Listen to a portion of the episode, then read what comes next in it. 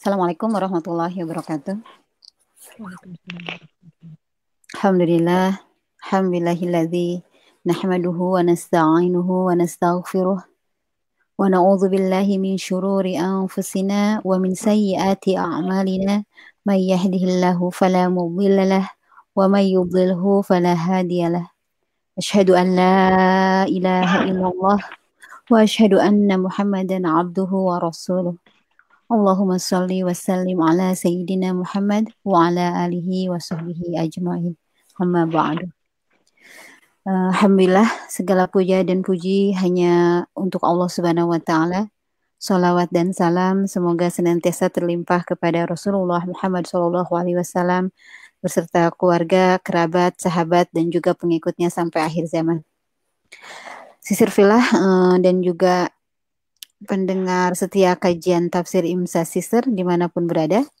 Berjumpa kembali bersama kami di kajian rutin kita setiap ahad malam waktu Amerika Kanada atau Senin pagi di Jakarta.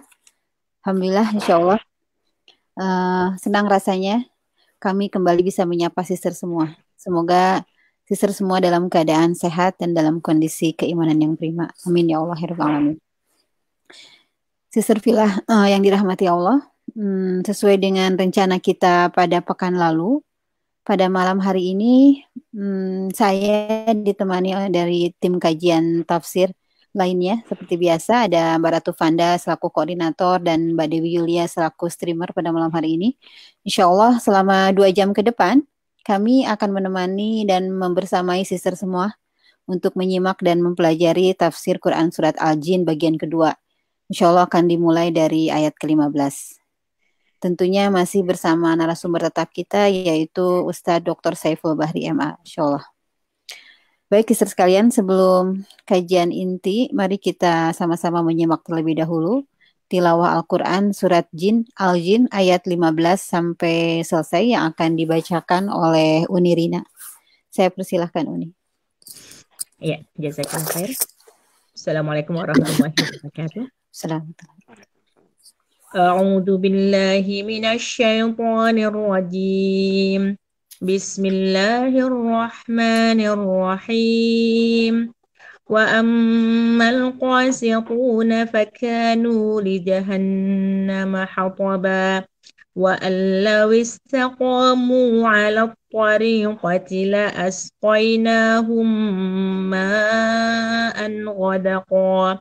لنفتنهم فيه. ومن يعرض عن ذكر ربه يسلكه عذابا صعدا. وأن المساجد لله فلا تدعوا مع الله أحدا. وأنه لما قام عبد الله يدعوه كادوا يكونون عليه لبدا. قل إنما أدعو ربي ولا أشرك به أحدا. قل إني قل إني لا أملك لكم ضرا ولا رشدا. قل إني لن يجيرني من الله أحد ولن أجد من دونه ملتحدا. إلا بلاغا من الله ورسالاته.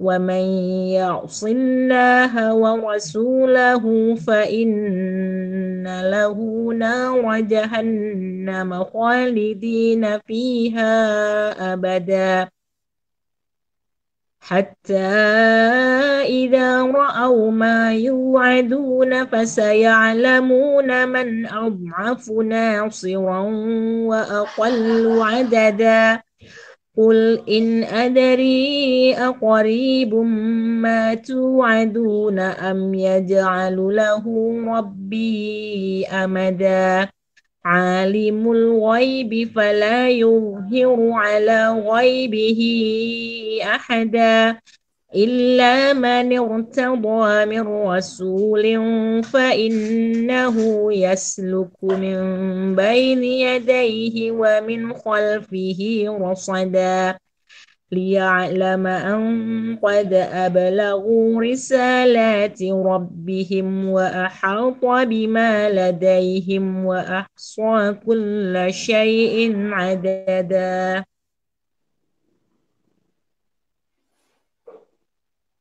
Artinya, Bismillahirrahmanirrahim, dengan nama Allah Maha Pengasih lagi Maha Penyayang.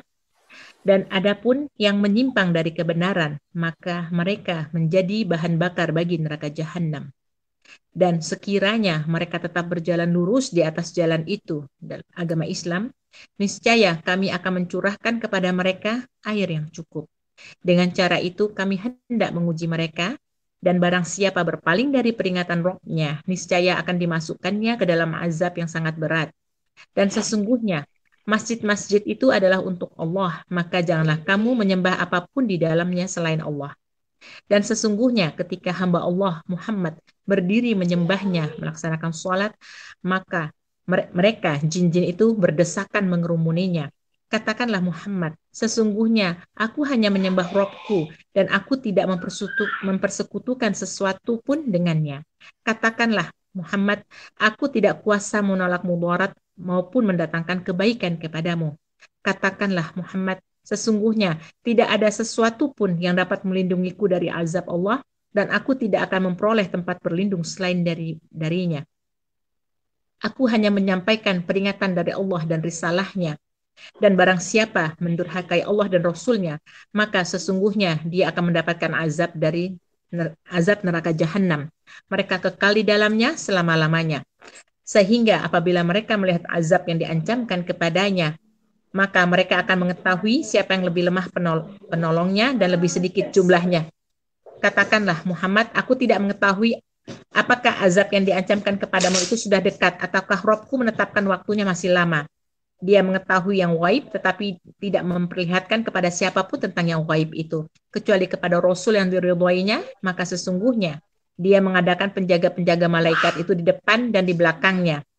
Agar dia mengetahui bahwa rasul-rasul itu sungguh telah menyampaikan risalah rohnya sedangkan ilmunya meliputi apa yang ada pada diri mereka dan dia menghitung segala sesuatu satu persatu. Assalamualaikum warahmatullahi wabarakatuh Waalaikumsalam warahmatullahi wabarakatuh. Alhamdulillah. Zakillah khairan Unirina sudah bacakan surat Al-Jin ayat 15 sampai dengan selesai. Semoga dengan dimulainya aktivitas kita dengan sama-sama mendengarkan tilawah Al-Quran membuat kita lebih siap dan dapatkan berkah dalam mengkaji ilmu pada malam hari ini. Baik, sister sekalian, eh, para peserta dan juga pendengar setia kajian tafsir Imsa Sister, uh, telah hadir di tengah-tengah kita Ustadz Saiful Bahri. Assalamualaikum Pak Ustadz. Waalaikumsalam warahmatullahi Apa kabar Pak? Alhamdulillah. Alhamdulillah. Baik Pak Ustadz, insya Allah uh, kita akan kembali melanjutkan kajian Quran Surat Al-Jin bagian kedua yang tertunda pekan lalu. Uh, saya persilahkan kepada Pak Ustadz untuk menyampaikan materinya. Dan kepada sister semua, silahkan dipersiapkan pertanyaan dari pekan lalu boleh atau dari yang sekarang juga silahkan. Nanti pada saatnya kami akan berikan kesempatan sister untuk uh, bertanya dan akan kami bacakan pertanyaan-pertanyaan dari sister semua insya Allah. Silahkan Pak Ustadz untuk dimulai.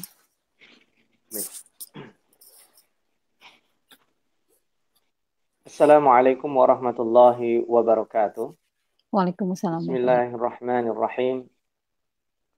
الحمد لله الحمد لله خالق الجان والإنسان. اللهم صل وسلم وبارك على سيد أهل الجنان حبيبنا وشفيئنا محمد صلى الله عليه وسلم وعلى آله وأصحابه ومن تبعهم بإحسان. أما بعد أخواتي في الله معاشر المسلمات ibu-ibu sekalian yang dirahmati Allah, para pecinta Al-Quran, kita bersyukur kepada Allah Subhanahu wa Ta'ala, zat yang menciptakan sebab-sebab kita untuk senantiasa mudah dekat dengan Al-Quran. Mudah-mudahan kajian kita pagi hari ini yang sudah dimulai dengan mendengar, membacakan, mengetahui isinya surat-surat Al-Quran menjadi salah satu sebab Allah tulis kita sebagai ahlul Quran. Allah jadikan kita orang-orang yang senantiasa memulainya segala sesuatu intilaknya, titik tolaknya adalah dari Al-Quran. Dan mudah-mudahan Allah SWT kekalkan kemudahan-kemudahan tersebut, yaitu kemudahan kita dalam berinteraksi dengan Al-Quran, di mana pun dan bagaimanapun kondisi kita. Menyambung pekan lalu, kajian yang sudah sama-sama uh, kita pelajari, yaitu tentang surat Al-Jin, sebagai review singkat saja. Al-Jin adalah makhluk yang Allah ciptakan dari api, yang Allah ciptakan sebelum manusia ada, yang tadinya hidup berdampingan dengan malaikat, dan bahkan ketika Nabi Adam sudah diciptakan. Masalah muncul ketika salah seorang dari jin yang disebut di dalam Al-Quran bernama Iblis tidak mau menuruti perintah Allah Subhanahu wa taala ketika disuruh untuk tunduk sujud kepada Adam yang direncanakan Allah akan menjadi khalifah, akan menjadi uh, yang memakmurkan di buminya. Lalu dari situ kita tahu oh ternyata jin itu adalah jenisnya iblis yang menggoda Nabi Adam. Berbeda dengan setan, berbeda dengan karin, berbeda dengan malaikat, berbeda dengan berbagai macam yang kemarin sudah kita diskusikan. Yang kedua kaitannya dengan jin yang digambarkan di sini, spesifik dalam surat Al-Jin ini. Tadi juga sudah dibacakan. Kaitannya adalah menghibur Rasulullah Sallallahu Alaihi Wasallam ketika dakwahnya kepada manusia itu makin hari seolah-olah makin berat. Maka Rasulullah perlu uh, stimulan baru, perlu spirit baru bahwa dakwah beliau itu ternyata luar biasa. Tidak diketahui bahwa pada saat beliau membaca Al-Quran, itu jin-jinnya luar biasa sampai tumpang tindih, sampai berebutan untuk mendengarkannya. Artinya apa? Supaya Nabi Muhammad tidak bersedih, ketika manusia banyak di antara orang yang ada di sekelilingnya meng, meng, tidak menghiraukan, mengabaikan terhadap apa yang dibawanya, maka Rasulullah Shallallahu Alaihi Wasallam diberitahu kondisi seperti ini akan kembali memompa spirit dakwah beliau. Dan ini juga nantinya jangka panjang menurut saya. Jika ada orang di dekatnya tidak mau untuk mengikuti dakwahnya, maka orang-orang yang jauh nanti akan berdatangan. Seperti Abu Hurairah yang sudah masuk Islam sebelum beliau ke Madinah. Itu adalah bukti bahwa dakwahnya menyebar padahal beliau ada di kota Madinah nantinya. Dan bahkan kalau sekarang seandainya Rasulullah SAW melihat kita akan tersenyum tentunya. yang dimulai sedikit beberapa orang di sekitarnya ternyata ada orang yang belum pernah menjumpainya, maaf, tetapi mengikuti dakwahnya. Nah, kalau kemudian ini dijadikan spirit berdakwah Rasulullah Shallallahu Alaihi Wasallam, tentu kebaikan risalah yang terkandung yang dibawa oleh beliau akan semakin bermanfaat bagi banyak orang yang bisa dijangkau. Bahkan yang dijangkau itu bukan hanya makhluk yang terlihat yang berinteraksi dengan beliau yaitu manusia tetapi juga adalah makhluk yang secara kasat mata tidak bisa dilihat yaitu jin. Kita sudah sampai pada ayat ke-14 sebagai review saya baca ayat 14. A'udzu billahi minasyaitonir rajim. Wa anna minnal muslimuna wa minnal qasitun. Faman aslama faulaika taharraw rasyada. Kami ini ada yang muslim, ya, ada yang qasid. Qasid itu zalim. Ini, ini bagian dari mukjizat Al-Qur'an. Kata dasarnya sama, qaf, sin dan ta. Kalau qasid itu artinya zalim, tapi kalau aksata, qasata artinya zalim, kalau aksata artinya adil. Luar biasa. Hanya beda satu huruf saja arti sudah bertolak belakang. Jadi kasitun itu zalimun, kalau muqsitun itu adalah orang-orang yang adil. Nah, apa yang disebut orang zalim nanti dijelaskan. Waman aslama faulaika taharraw rasyada. Orang yang Islam, orang yang menyerahkan dirinya. Orang yang menyerahkan dirinya ini maksudnya dia muslim mengikuti apa yang didengar dari Rasulullah Sallallahu alaihi wasallam kemudian mengikuti apa yang diinstruksikan di dalam risalah tersebut. Itu disebut muslim. Dan di dalam Al-Qur'an Allah Subhanahu wa taala berfirman dalam surat Al-Baqarah ya menyuruh kita, "Ya ayyuhalladzina amanu udkhulu fis silmi kafah." Wahai orang yang beriman, ini panggilan beda dengan ya ayyuhal mu'minun. Kalau mu'minun betul-betul sudah masuk. Kalau ya ayyuhalladzina amanu ini baru beriman. Udkhulu fis silmi kafa, masuklah secara utuh. Semua risalah yang Allah bawa kan melalui Rasulnya, kalian praktekkan secara utuh. Nah itulah kalau sudah utuh, taharrau rosyada itu menempuh jalan-jalan yang lurus, menempuh jalan-jalan yang yang akan membimbing mereka pada hidayah. Ini sudah kita sampaikan sekilas pada pertemuan yang lalu.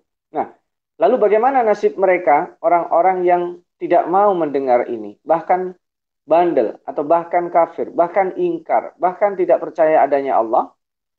Wa ammal qasituna fakanu li jahannam.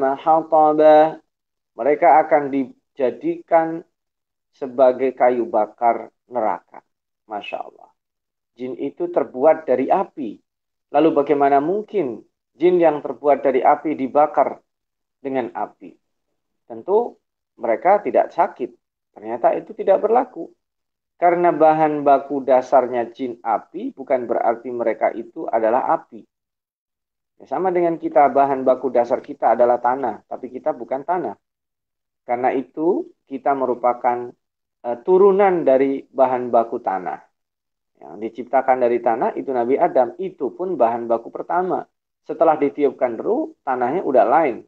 Ya kan kita membahas e, dari tanah itu disering disebut di antaranya turab. Nanti ada juga bahasanya min hamain masnun. Min salsalin min hamain masnun. Ada min tin. Ada min salsalin kal fakhar. Itu proses. Dari tanah-tanah-tanah yang kering, pasir, debu, dicampur air, tin menjadi tanah liat, atau min hamaim masnun dari tanah hitam yang yang basah ya. Lalu kemudian kering menjadi salsalin kal fakhar seperti kerajinan tangan dan kemudian ketika ditiupkan ruh menjadi lembek lagi tidak kaku lagi. Karena kalau kaku tidak bisa bergerak ya. maka demikian juga uh, jin yang tercipta dari tanah eh, maaf yang tercipta dari api. Maka bukan berarti kemudian mereka api selamanya faktanya api bisa dilihat. Ternyata ini tidak demikian. Maka itu bahan dasar itu bukan berarti jinnya menjadi api. Itu satu. Yang kedua, sekalipun mereka api, ada api yang lebih panas. Begini, uh, para pecinta Al-Quran yang dirahmati Allah, peserta kajian tafsir online Imsa Sister, kalau ada lampu yang beratnya, eh, yang cahayanya misalnya 5 watt, didekatkan dengan lampu yang cahayanya 1000 watt. Ada kemungkinan lampu yang 5 watt ini pecah. Karena tingkat panasnya dan lain sebagainya tidak seperti yang 1000 watt atau 2000 watt dan seterusnya. Padahal dua-duanya unsurnya sama, yaitu cahaya. Karena itulah malaikat pun kecepatannya beda-beda, malaikat pun tidak sanggup menuju cahaya yang yang terang sekali. Itulah rahasia mengapa dalam peristiwa Isra Jibril tidak bisa menemani Rasulullah SAW pada sumber cahaya. Dan kalau kita membandingkan secara fisik, sekalipun tidak boleh, tapi sebagai visualisasi saja. Kenapa malaikat Jibril itu hanya sampai Sidratul Muntaha?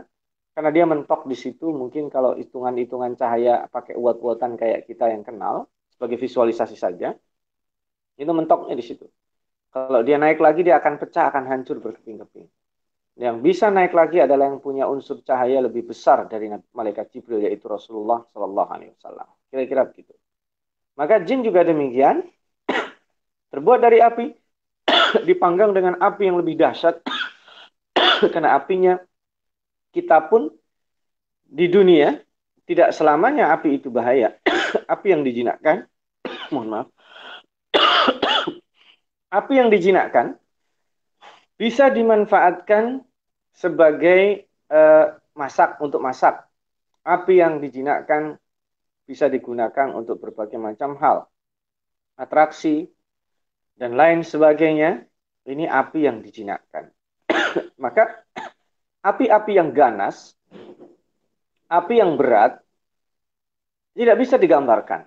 Karena dalam beberapa asar disebutkan pembakaran pembuatan neraka jahanam yang sudah dimulai itu dibakar sekian puluh tahun lamanya. Dari sekian puluh tahun lamanya, maka kemudian berubah warnanya. Dari merah, biru, hitam, dan sebagainya. Nah, pada saat terjadi hari kiamat, itu api sudah ibaratnya tinggal matengin aja kalau kita masak. Maka tentu proses yang sedemikian lama itu akan beda dengan uh, jin yang memang mungkin prosesnya bukan betul-betul api murni, hanya bagian dari api. Karena kan api, cahaya, sesuatu yang kalau kita pegang kan nggak kelihatan, tapi dia membakar. Tidak ada orang bisa megang api kecuali api itu berada dalam objek. Kita nggak bisa megang cahaya kecuali cahaya itu ada dalam objek di apa bolam seperti di atas saya, di laptop saya depan saya ini ada unsur cahayanya. Jadi kalau cahaya begitu aja nggak bisa kita lihat. Sekelebat mungkin itu pun menyentuh objek. Api juga demikian. Api itu tidak bisa kita lihat kalau tidak ada objek yang melekat di sana. Di atas lilin, di kompor, nyamber misalnya naudzubillah pada saat kebakaran tapi api yang berdiri sendiri tidak ada tidak ada api yang berdiri sendiri ada itu sekelebat just ketika seorang nembak nah, di ujung pistol yang ada percikan gitu. Percikan itu namanya objek. Ada pertemuan antara objek yang digunakan sarana menyentuh api. Karena itulah api dan cahaya adalah gaib. Kenapa? Karena dia perlu sarana untuk dilihat. Nah ini Eh, silakan nanti kita diskusikan apakah benar Al-Fatih juga hanya sekedar menerka-nerka dari yang yang dibaca. Nah, itu tidak akan mempan. Dan bahasa Allah Subhanahu wa taala kanu li jahannam hataba. Mereka itu bagaikan. Bahkan bukan hanya bagaikan di sini. Fakanu li jahannam hataba. Mereka itu menjadi kayu bakar. Masya Allah. Yang panas itu tiba-tiba menjadi kayu bakar. Kalau boleh ngebayangin kerupuk yang gagah kalau sudah masuk sop yang anget atau soto yang panas itu langsung kempes gitu. Bayanginya kita kebayang kalau ada kayu bakar kemudian kesentuh api, masya Allah, kayu bakar itu akan luluh lantak dan hitam kemudian menjadi arang hancur berkeping-keping. Balik lagi ya. Wa an istaqamu ala tariqati la asqaina umma'an ghadaqa. Seandainya mereka mau lurus seperti yang lainnya yang mendengar atau memahami isi risalah Nabi Muhammad SAW, maka kami akan berikan mereka air yang jernih, air yang lezat, air yang enak. Pertanyaannya, loh, kalau api dikasih minum air mati, gitu ya? Api dikasih dikasih minum air mati dia. Ternyata tidak. Air ini bahasanya detail sekali Al-Quran ya. Kita lihat di situ adalah ma'an ghadaqa. Mereka diberi air yang segar. Ingat ya, air yang segar. Apakah bentuknya air? Belum tentu. Air itu supaya bisa menyala besar diperlukan bensin, solar, ya, atau bensinnya premium, pertamak dan sebagainya. Itu zat cair. Apakah mungkin mereka minumnya bensin? Wallahu a'lam. Karena ini adalah ma'an ghadaqa. Air yang segar. Tentu air yang segar bagi manusia akan berbeda dengan air yang segar bagi jin. Ini bahasa ma'an ghadaqa yang membuat mereka segar. Lah kalau minum air mati, nah itu beda. Artinya Al-Quran detil sekali. air itu menyegarkan. Sama dengan kita, mohon maaf, orang sedang sakit. Air yang segan bukan air yang dingin dari kulkas, karena akan menambah sakitnya. Sekalipun di dalam Al-Quran dikatakan Nabi Ayub, ya, kalau yang mengikuti kajian post-power syndrome di IMSA pekan yang lalu, itu kan ada muktasal, muktasalun baritun. Jadi air dingin yang dijadikan untuk mandi dan minum. Bagi orang yang sakit bisa jadi air dingin itu dia jadi sensitif, nambah sakit. Diperlukan air yang segar itu air yang hangat, mungkin agak sedikit panas. Ada kalanya hangatnya hangat kuku, ada kalanya dingin dingin banget. Jadi ma'an ghadaqa itu tidak harus air dingin. Jadi air yang menyegarkan dirinya.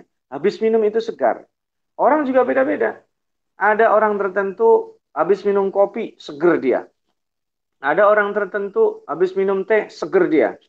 Ada orang tertentu perlu jamu, seger dia. Ada orang tertentu minum jus A, B, dan seterusnya. Itu yang disebut dengan ma'an ghadaqa. Air yang menyegarkan sebagai rizki dari Allah Subhanahu wa taala. Supaya apa? Supaya kita tidak bergantung sama air itu. Makanya tidak bisa. Minumlah ini, air putih hangat bagi kamu gini. Bagi orang lain bisa jadi tidak cocok.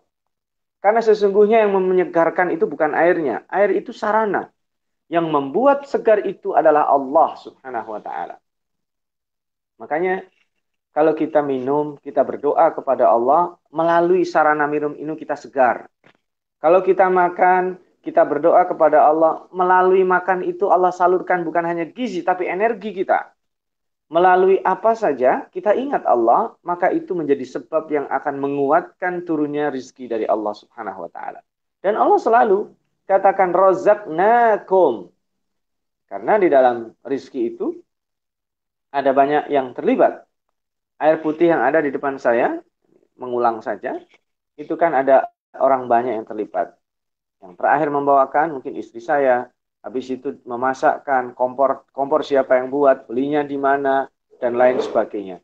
Atau kalau pakai dispenser dispenser dibuatnya di mana listrik listrik pasangnya di mana. Ada banyak orang terlibat seseorang diberikan rezeki oleh Allah dan itu pada akhirnya bermuara kepada air yang menyegarkan. Subhanallah. Ma'an ghadaqa jadi kalau kita minum satu aja air itu membuat tubuh kita jadi segar sesungguhnya yang membuat tubuh kita segar adalah Allah jadi bisa jadi itu jin-jin itu nanti airnya adalah modelnya misalnya kalau di Indonesia pertama mahal bisa jadi itu modelnya adalah air yang bentuknya adalah bensin pertama gitu. Wallahu alam besar. Jadi uh, tidak ada yang kontradiksi antara ciptaan Allah yang berupa uh, api dengan air yang akan mereka minum. Ya. Karena kan faktanya oh ternyata jin minum juga ya, minum mereka. Faktanya air menggenang itu adalah tempat peristirahatan favorit jin. Makanya Rasulullah SAW itu melarang melarang kita atau anak-anak kita untuk mohon maaf buang air kecil di air yang menggenang.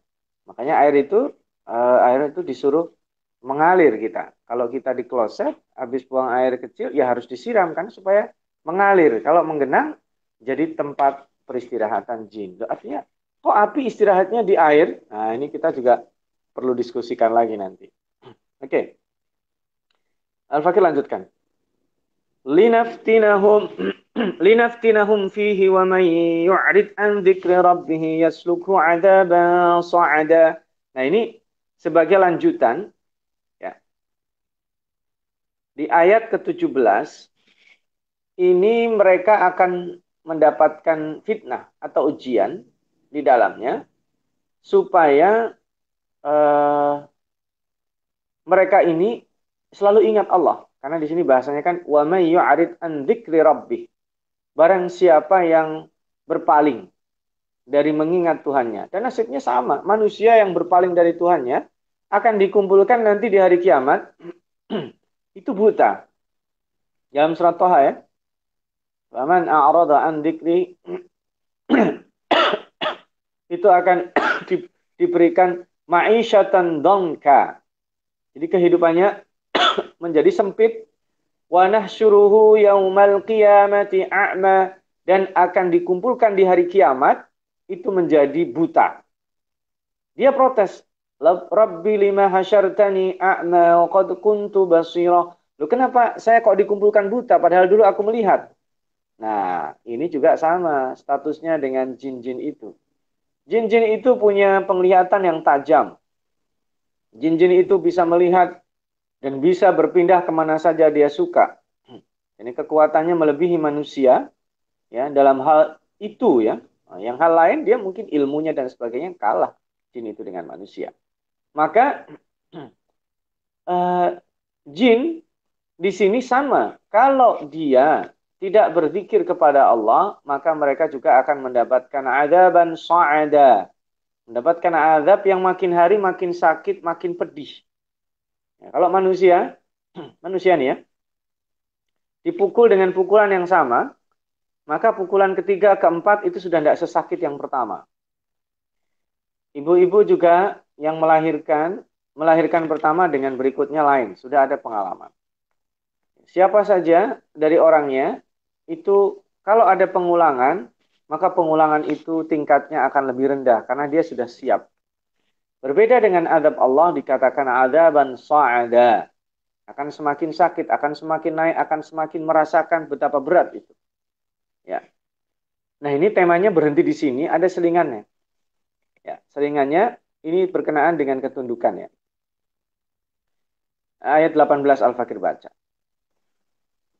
وأن المساجد لله فلا تدعوا مع الله أحدا وأنه لما قام عبد الله يدعوه كادوا يكونون عليه لبدا Jadi ini berkenaan dengan masjid. Jadi kalau ada masjid, masjid itu tempat sujud kita. Jangan minta-minta apa saja di dalam masjid itu selain kepada Allah. Nah, karena ini nantinya ternyata ya Allah Subhanahu wa taala Maha tahu dari sejak kisah Ashabul Kahfi. Kalau silakan akhwat sekalian, ibu-ibu yang dimuliakan Allah, buka di dalam surat Al-Kahfi untuk mengabadikan profil Ashabul Kahfi, sebagian menginginkan dibuat masjid. Tapi ada yang tidak setuju karena khawatir nanti mereka disembah. Dan bukan hanya itu, kan sebelum Nabi Muhammad datang, setelah Nabi Muhammad datang disinggung lagi. Jadi memang ada potensi orang-orang yang ke masjid dan dia merasa di masjid itu ada orang-orang yang berjasa entah entah karena dakwahnya, entah karena orang merasa itu orang hebat, berpotensi orang itu nanti disembah. Ya. Maka dalam proses seperti ini sebagian ulama, sebagian ya, saya tidak bicara semua, ada yang uh, tidak membolehkan ada makam di dekat masjid. Tapi faktanya itu yang terjadi di di mana pun kita berada. Di Indonesia, bahkan termasuk di negara yang maju, Muslim yang maju seperti Turki, itu juga makam berdekatan dengan masjid. Nah, tetapi yang perlu diluruskan bukan masalah perdekatan, akidahnya orang yang masuk masjid. Bahwa masjid itu wa annal masajid lillah. Masjid itu punya Allah meskipun yang bangun kita. Kenapa? Karena itu tempat sakral, kita perlu tempat khusyuk. Sekalipun Rasulullah SAW bersabda, Ju'ilat liyal ardu masjidah. Jadi semua bumi Allah itu dijadikan bagiku dan tentu umatku sebagai masjid. Beda dengan umat-umat sebelum Nabi Muhammad yang namanya masjid itu mihrab tempatnya tertentu. Kalau lagi bepergian ya sholatnya pulang dulu baru bisa sholat di tempat yang sudah dikhususkan. Sementara umat Nabi Muhammad tidak seperti itu. Kita di jalan tidak ada masjid atau akhwat sekalian ya uh, kaum mukminat yang ada di Amerika atau Kanada mungkin kesulitan di sebagian tempat sholat di taman ya menggelar tikar atau di halte atau di stasiun seperti yang terjadi beberapa kali di Al Fakir lihat di Jepang misalnya itu tidak ada tidak ada masalah karena ju'ilat liyal ardu masjidah tetapi kalau seandainya kita lihat masjid sebagai bangunan masjid itu yang membangun manusia yang memakmurkan manusia tapi sesungguhnya itu kepunyaan Allah karena dengan situ melalui sarana masjid itu kita menyembah Allah. Maka tidak layak kita meminta. Maka bahasanya tegas. Fala tada'u ma'allahi ahada. Bahasanya ma'a ya. Jangan sampai kita meminta ma'allah. Sekalipun minta Allah tapi minta dia juga itu tidak etis. Ibarat kata mohon maaf. Ya kalau di Indonesia nggak, nggak eh, kalau di kita tidak bisa disamakan. Kita minta bantuan si fulan A dengan si fulan B, ya malah malah bagus. Si fulan A bisa ngasih bantuan sepertiga, si fulan B ngasih bantuan sepertiga. Jadinya kita dapat bantuan dua per tiga. Nah, nggak ada masalah. Tapi kalau untuk urusan permintaan secara akidah tidak bisa dipotong-potong gitu. Minta bantuan sama Allah atau tidak sama sekali. Kalau minta bantuan sama Allah dan yang lainnya bahaya. Itu bisa mengakibatkan kesyirikan. Loh, saya sakit, minta bantuan sama dokter. Beda, itu bantuan teknis dan tidak dilarang. Justru diwajibkan, karena itu bentuknya ikhtiar. Tapi kalau di dalam masjid tidak ada orang minta bantuan te teknis, saya berdoa, itu bantuan ideologis. Kita meminta sama Allah. Bantuan kita ikatan ideologi kita hanya satu, harus utuh kepada Allah. Sedangkan bantuan teknis, Allah tidak ngurusin. Allah menyediakan, kita yang menjemputnya. Ya, ya Allah beri aku rizki. Itu harus totally kita sama Allah. Nanti masalahnya kita minta bantuan orang melalui kalau kita adalah seorang guru, kalau kita adalah seorang dosen, berarti itu rizkinya ya dari bendahara yayasan atau di kampus. Kalau saya adalah seorang penjual, berarti rizkinya melalui pembeli yang datang di rumahnya. Kalau dia adalah orang yang punya jasa, berarti klien-kliennya yang menggunakan jasanya. Kalau dia adalah seorang konsultan juga demikian dan lain sebagainya. Profesi-profesi itu itu teknis, ya tidak ada masalah. Teknis kita minta bantuan kepada seribu orang pun nggak ada masalah. Tapi kalau bantuan ideologis, wala tada'u ma'a, nggak boleh, harus murni. Tauhid itu murni. Nah, baru kemudian cerita lagi. Jadi ini dipotong ya cerita tentang jin. Ya. Digambarkan. Wa annahu lamma qama abdullah yang dimaksud Abdullah di sini Nabi Muhammad ketika Nabi Muhammad membaca Al-Qur'an dia da'uhu minta kepada Allah. Kalu li yakununa alaihi libada. Jadi ketika Rasulullah Shallallahu alaihi wasallam itu membaca Al-Qur'an, uh, jin-jin itu berdesakan mengerumuninya. Al-Fakir tambahkan di sini ada lagi di dalam surat Al-Ahqaf ayat 29. Al-Fakir bacakan ayatnya. Wa idh sarafna ilaika nafaran minal jinni yastami'una al-Qur'ana falamma hadaruhu qalu ansitu falamma qudiya wallaw ila qaumihim munzirin dan ingatlah Muhammad ketika kami hadapkan kepadamu ya serombongan jin ya mendengarkan Al-Qur'an. Ini pada saat yang yang kita bicarakan ini ya mereka menghadiri pembacaan itu dan berkata, jadi mereka itu saling berisik ini apa apa ansitu. Kamu diam dengar dulu. Jadi mereka ini mengingatkan, saling ingatin kita dengar dulu. Setelah mendengar, mereka itu faham. Ah, ini yang menarik. Falamma kudia walau ila qaumihim mundirin. Mereka kembali kepada kaumnya dan mengingatkan. Ya, berdakwah kepada kaumnya. Berarti ini aktif, proaktif. Setelah faham mereka menyampaikan, dahsyat sekali. Padahal mereka tidak berkomunikasi dengan Nabi Muhammad Shallallahu Alaihi Wasallam. Jadi ini terlihat kemahakuasaan Allah. Allah ingin ngasih tahu. Jadi kalau kita misalkan seperti ini, kita ngasih nasihat orang, manusia, itu jin juga mendengar. Bisa jadi dia dengan nasihat itu, dia bergerak. Bukan hanya untuk dirinya, dia juga berdakwah kepada sesamanya. Maka metode dakwah jin itu sebenarnya kita berdakwah kepada manusia itu including jin juga tersampaikan. Jadi mohon maaf kalau ada orang misalnya saya dakwahnya sama jin nggak ke mana-mana itu juga wallah araf itu urusan dia dengan Allah kita nggak perlu ngurusi. Tapi sesungguhnya kita berdakwah aja sama manusia menyampaikan kebenaran sama manusia bahkan baca Al-Quran saja itu jin yang mendengarkan kita itu Allah juga hitung sebagai kebaikan yang dikembalikan pada diri kita. Dahsyat dan maha sayangnya Allah Subhanahu wa taala. Jadi kalaupun ada satu dua asar atau riwayat dari Rasulullah Shallallahu alaihi wasallam menggambarkan beliau bisa berdakwah langsung, berdialog langsung dengan jin, itu case-case tertentu. Tapi umumnya terjadi seperti ini dakwahnya. Tanpa beliau sadari, beliau menyampaikan bisa tetapi karena konsentrasinya adalah berdakwah kepada manusia. Maka kita tidak perlu memikirkan, saya selingin dah hari Senin dakwah sama manusia, hari Selasa sama jin. Tidak perlu seperti itu. Karena Kalau kita berdakwah kepada manusia, menyampaikan kebenaran kepada manusia, membaca Al-Quran saja, itu jin yang ada di sekitar kita ikut mendengarkan. Ya. Nah, kita kembali ke ayat, lanjutkan. Apa konten dakwahnya? Ini baru di sini. Qul katakan Muhammad. Rabbi wa la usyrik bihi wa la usyriku bihi ahada. Ini pertama tauhid dan larangan syirik ya. Saya skip ya biar kita bisa dialog uh, yang lain. Qul inni la amliku lakum darran wa la rasyada. Aku tidak bisa memberi manfaat, tidak bisa mendatangkan madarat buat kalian. Ini sama isi dakwahnya. Qul inni la yujirani minallahi ahadun walan ajida min dunihi multahada. Allah ingin berbuat apa padaku? Tidak akan ada yang bisa ngalangi. Ngasih manfaat, ngasih maldarat kepadaku, tidak ada yang bisa ngalangi. Termasuk jin. Gak bisa.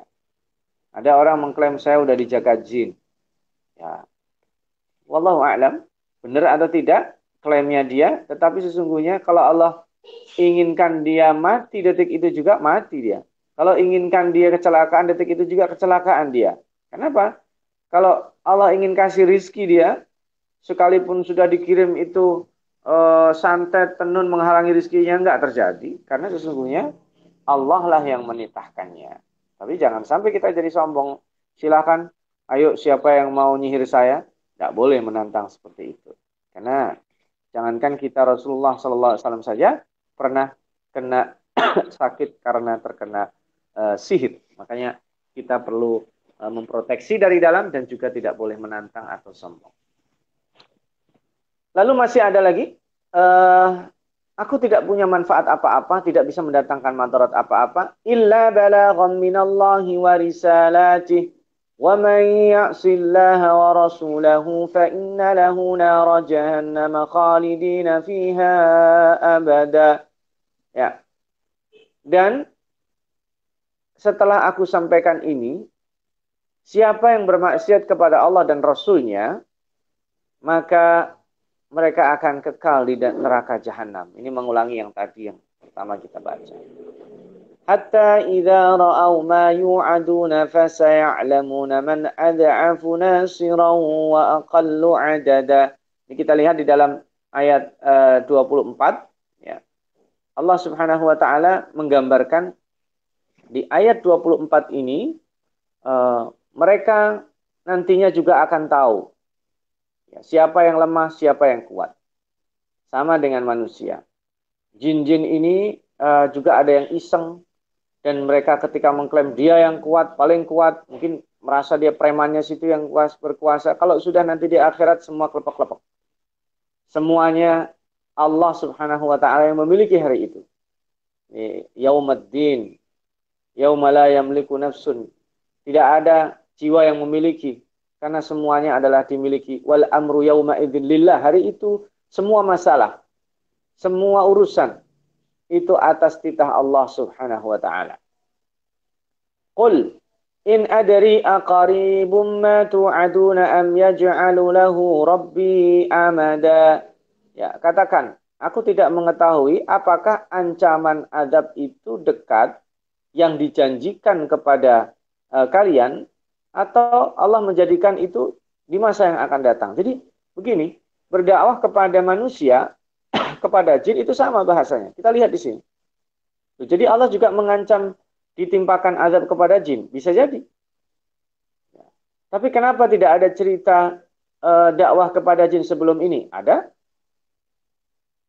Yang dilakukan oleh Nabi Sulaiman alaihissalam itu kan bukan eh, jin-jin uh, yang bandel dipekerjakan Nabi Sulaiman dan mereka juga takut. Jadi kehidupan seperti itu sebelum Rasulullah SAW ada pun dijelaskan di dalam Al-Quran. Artinya dakwahnya Rasulullah Shallallahu Alaihi Wasallam itu juga including seperti apa yang dilakukan Nabi Sulaiman. Bedanya, bedanya Nabi Sulaiman itu emang hijabnya dibuka sama sekali. Jadi begitu ada jin lewat ngomong ya pasti dengar. Bisa Nabi Sulaiman bisa tahu gitu. Itu kemampuan yang dibuka hijabnya oleh Allah Subhanahu wa taala. Maka Al-Fakir tidak mengatakan mustahil kalau ada orang nanti bisa melihat jin melihat jin, bisa melihat jin betulan. Walau alam itu mungkin bisa, tetapi umumnya kalaupun bisa hanya sekali dua kali saja. Kenapa? Karena jin itu makhluk gaib. Makhluk yang perlu dimensi tertentu supaya bisa terlihat. Kalau seandainya dilihat langsung seperti apa adanya, maka itu tentu perlu e, tempat, entah masuk ke dalam tubuh manusia atau dia menjelma sebagai makhluk Allah yang lainnya, binatang atau dan lain sebagainya yang kemarin sudah kita bicarakan. Nah, beda dengan kemampuan yang diberikan kepada Nabi Sulaiman, itu syai'un akhar, itu sesuatu yang lain. Nah, maka jin juga di diadab. Qul in adari aqaribun ma tu'aduna am yaj'alu lahu rabbi amada? Apakah kalian sedang uh, disiapkan azab masa depan? Uh, sebenarnya lebih lebih tepatnya adalah Allah tidak azab kalian sekarang bukan berarti nggak mampu. Bisa, tetapi ini Allah siapkan jangka panjang supaya kalian balik lagi. Itu yang disebut Ar-Rahman. Makanya dalam Al-Quran kata-kata azab pun disandingkan dengan Ar-Rahman. Uh, dalam uh, Nabi Ibrahim ketika menyampaikan dakwah kepada ayahnya kan gitu. Ini akhafu an yamassaka adabun minar rahman. Saya takut ayah engkau akan disentuh azab dari yang maha rahman. Masya Allah. Ada juga di ayat lain wa khasyar rahman bil ghaib, takut kepada Ar-Rahman. Kenapa bukan Al-Jabbar, Al-Muntaqim, Al-Aziz ya? Al-Mutakabbir, Al-Qahhar misalnya. Itu kan sifat-sifat kebesaran, sifat-sifat keperkasaan. Kenapa Ar-Rahman, sifat-sifat Al-Jamaliyah, sifat kelembutan. Takut kepada sifat kelembutan karena Allah itu baru akan mengadab kalau udah keterlaluan. Ya ibarat kita sebagai orang tua, kita ini betul menggunakan bahasa yang lembut, mungkin entah ibu-ibu, entah ayah baru mencubit anaknya, mungkin melakukan sedikit dengan bahasa yang agak kasar, itu kalau sudah keterlaluan anaknya. Kenapa? Ya itu manusia aja begitu, apalagi rahmat. Allah itu baru mengadab dalam jangka panjang bisa jadi. Kalaupun ada yang kontan dikasih dikit aja. Karena supaya mereka kembali lagi on the track seperti yang uh, Allah Subhanahu wa taala inginkan. Nah, Al-Fakir lanjutkan. Alimul ghaibi fala yuzhiru ala ghaibihi ahada. Kenapa? Karena Allah itu zat yang maha mengetahui yang gaib. Dan jin itu sekalipun dia makhluk gaib, jin itu tidak selamanya tahu yang gaib. Buktinya apa? Silahkan dibuka dalam uh, Al-Quran kisah tentang Nabi Sulaiman. Nabi Sulaiman ketika meninggal dunia, beliau dalam posisi duduk berzikir memegang tongkat. Lalu kemudian tongkatnya dimakan rayap. Ketika sudah berhasil hampir yang dimakan rayap banyak, tongkat itu patah dan Nabi Sulaiman tersungkur. Ya. Jin-jin merasa bebas karena selama ini dia takut berlalu lalang di depan Nabi Sulaiman itu takut jin-jin itu. Karena memang Nabi Sulaiman diberikan keistimewaan Allah begitu. Maka jin-jin itu kemudian merasa bebas dan setelah itu merajalela mengajarkan kesesatan kepada manusia. Dan di antara binatang yang dianggap berjasa kepada jin itu adalah rayap. Makanya tidak ada. Kalau ada rayap itu rayap asli, bukan jin. Kalau eh, ada binatang berupa anjing, berupa ular, bisa jadi itu ular jadi-jadian, anjing jadi-jadian, eh, binatang jadi-jadian. Kenapa? Karena jin memungkinkan eh, menjelma menjadi makhluk-makhluk tersebut. Tapi tidak dengan rayap, karena dianggap rayaplah yang berjasa memberitahu mereka atas kematian Nabi Sulaiman. Nah ini sekaligus memberitahu Nabi Sulaiman itu jatuh tersungkur setelah rayapnya e, memakan tongkatnya dan rapuh kemudian jatuh. Kita visualisasikan ada tongkat sampai jatuh karena dimakan rayap itu perlu waktu berapa lama? Belum lagi kalau kayunya itu kayu jati misalnya itu bukan hanya seminggu, dua minggu, bulanan. Artinya Nabi Sulaiman meninggal dunia, di hari dia meninggal dunia, dengan jatuhnya itu karena tongkat yang dimakan rayap, waktunya panjang. Tidak mungkin rayap sehebat-hebatnya rayap itu, eh, hari ini makan rayap, hari ini juga habis itu. Tidak mungkin. Itu artinya jangka waktu selama ini, halo jin yang katanya makhluk gaib, kenapa kamu tidak tahu Nabi Sulaiman mati, meninggal dunia? itu menandakan jin pun tidak tahu. tentang kegaiban. Maka kalau ada para penyihir atau peramal, dia mengetahui dari langit, itu karena ada jin-jin yang bandel ini mencuri dengar sedikit saja. Karena mereka faktanya juga tidak paham. Alimul ghaib di sini, fala yudhiru ala ghaibihi ahada, tidak bisa dibuka semuanya. Tidak semua. Illa man irtada min rasulin fa innahu yasluku min baini yadayhi wa min khalfihi rasada. Kecuali yang diberitahukan kepada Rasul itu pun dikawal ketat oleh malaikat. Nabi Muhammad tahu. Misalnya, misalnya, Usman, ta'al, kemari Usman, aku berikan engkau berita. Engkau akan mati dalam keadaan empat hal. Mati dalam keadaan puasa, mati dalam keadaan baca Quran, mati dalam keadaan sendiri dan mati dalam keadaan dibunuh. Nah itu dibuka hijabnya. Rasulullah SAW juga tahu, laqad atakumul ana rajulun min ahli jannah akan datang kepada kalian seorang penduduk surga. Yang ngasih tahu siapa? Allah. Maka ada disebut al-mubasysyari nabi jannah, orang-orang yang diberikan kabar gembira uh, dengan berita dari Allah, mereka adalah penduduk surga. Belum terjadi, tapi hijabnya dibuka oleh Allah. Jadi memungkinkan seseorang tahu hal yang gaib mungkin, tapi hanya orang-orang tertentu. Dan itu juga pilihan Allah. Kalau ada orang mengklaim tahu hal-hal gaib, ya kita tidak perlu kaget. Mungkin bisa jadi benar, bisa jadi enggak. Tidak usah terlalu heran kita. Tidak usah terlalu wow gitu. Tidak usah. Kita santai aja relax saja. Karena hal-hal gaib itu juga tidak terlalu bermanfaat. Apa kita tahu hal, -hal gaib itu? Bahkan event itu terjadi Allah ngasih tahu kita melalui mimpi. Kalau mimpi itu baik, maka kita dekat, kita kasih cerita pada orang-orang bagus yang akan memotivasi kita. Kalau mimpi itu buruk, itu datangnya bisa jadi dari setan atau ujian dari Allah Subhanahu wa taala, segera kita tinggalkan. Tidak boleh uh, disarankan untuk tidak diceritakan supaya tidak kita tidak terbayangi, tidak tertekan jiwa kita. Kita berdoa kepada Allah dari termotivasi atau dari uh, apa terbayang-bayang dengan mimpi buruk itu. Jadi sesungguhnya hal gaib itu kekuasaan Allah. Bisa jadi dibuka bagi seseorang, ditutup bagi orang lainnya. Kalau ada seseorang misalnya suatu ketika dia ngomong sama orang, yang lain dia tuh ngomong sama siapa? Oh saya ngomong sama si Fulan.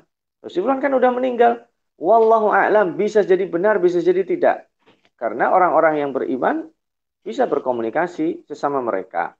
Karena toh misalnya kita berdoa, Rabbana gfir lana wa li ikhwanina sabaquna bil iman. Kita doakan orang sebelum kita.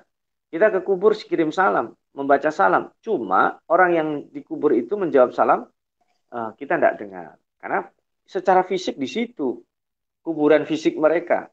Tapi mereka di tempat mana tidak tahu kita. Itu urusan gaib, kita tidak tahu.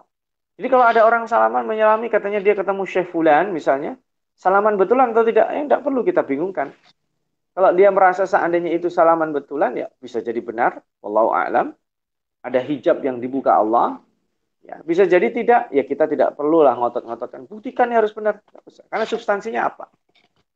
Substansi kita mendebatkan itu apa? Tidak terlalu penting, karena yang terpenting adalah substansinya itu. Makanya di sini substansinya apa? Tidak syirik.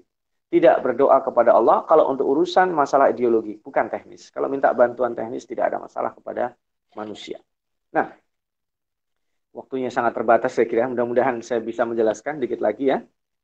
ليعلم أن قد أبلغوا رسالات ربهم وأحاط بما لديهم وأحصى كل شيء عددا. Ini di ayat yang terakhir Al-Fakir bacakan supaya dia tahu bahwa sesungguhnya rasul-rasulnya telah menyampaikan risalah Tuhannya sedangkan ilmunya meliputi apa yang ada pada mereka dia menghitung segala sesuatu secara rinci. Jadi Kok diperlukan malaikat yang menjaga? Enggak begini. Supaya tahu itu kata-kata eh, jangan sampai kita jadikan Allah itu baru tahu kalau dengan ujian.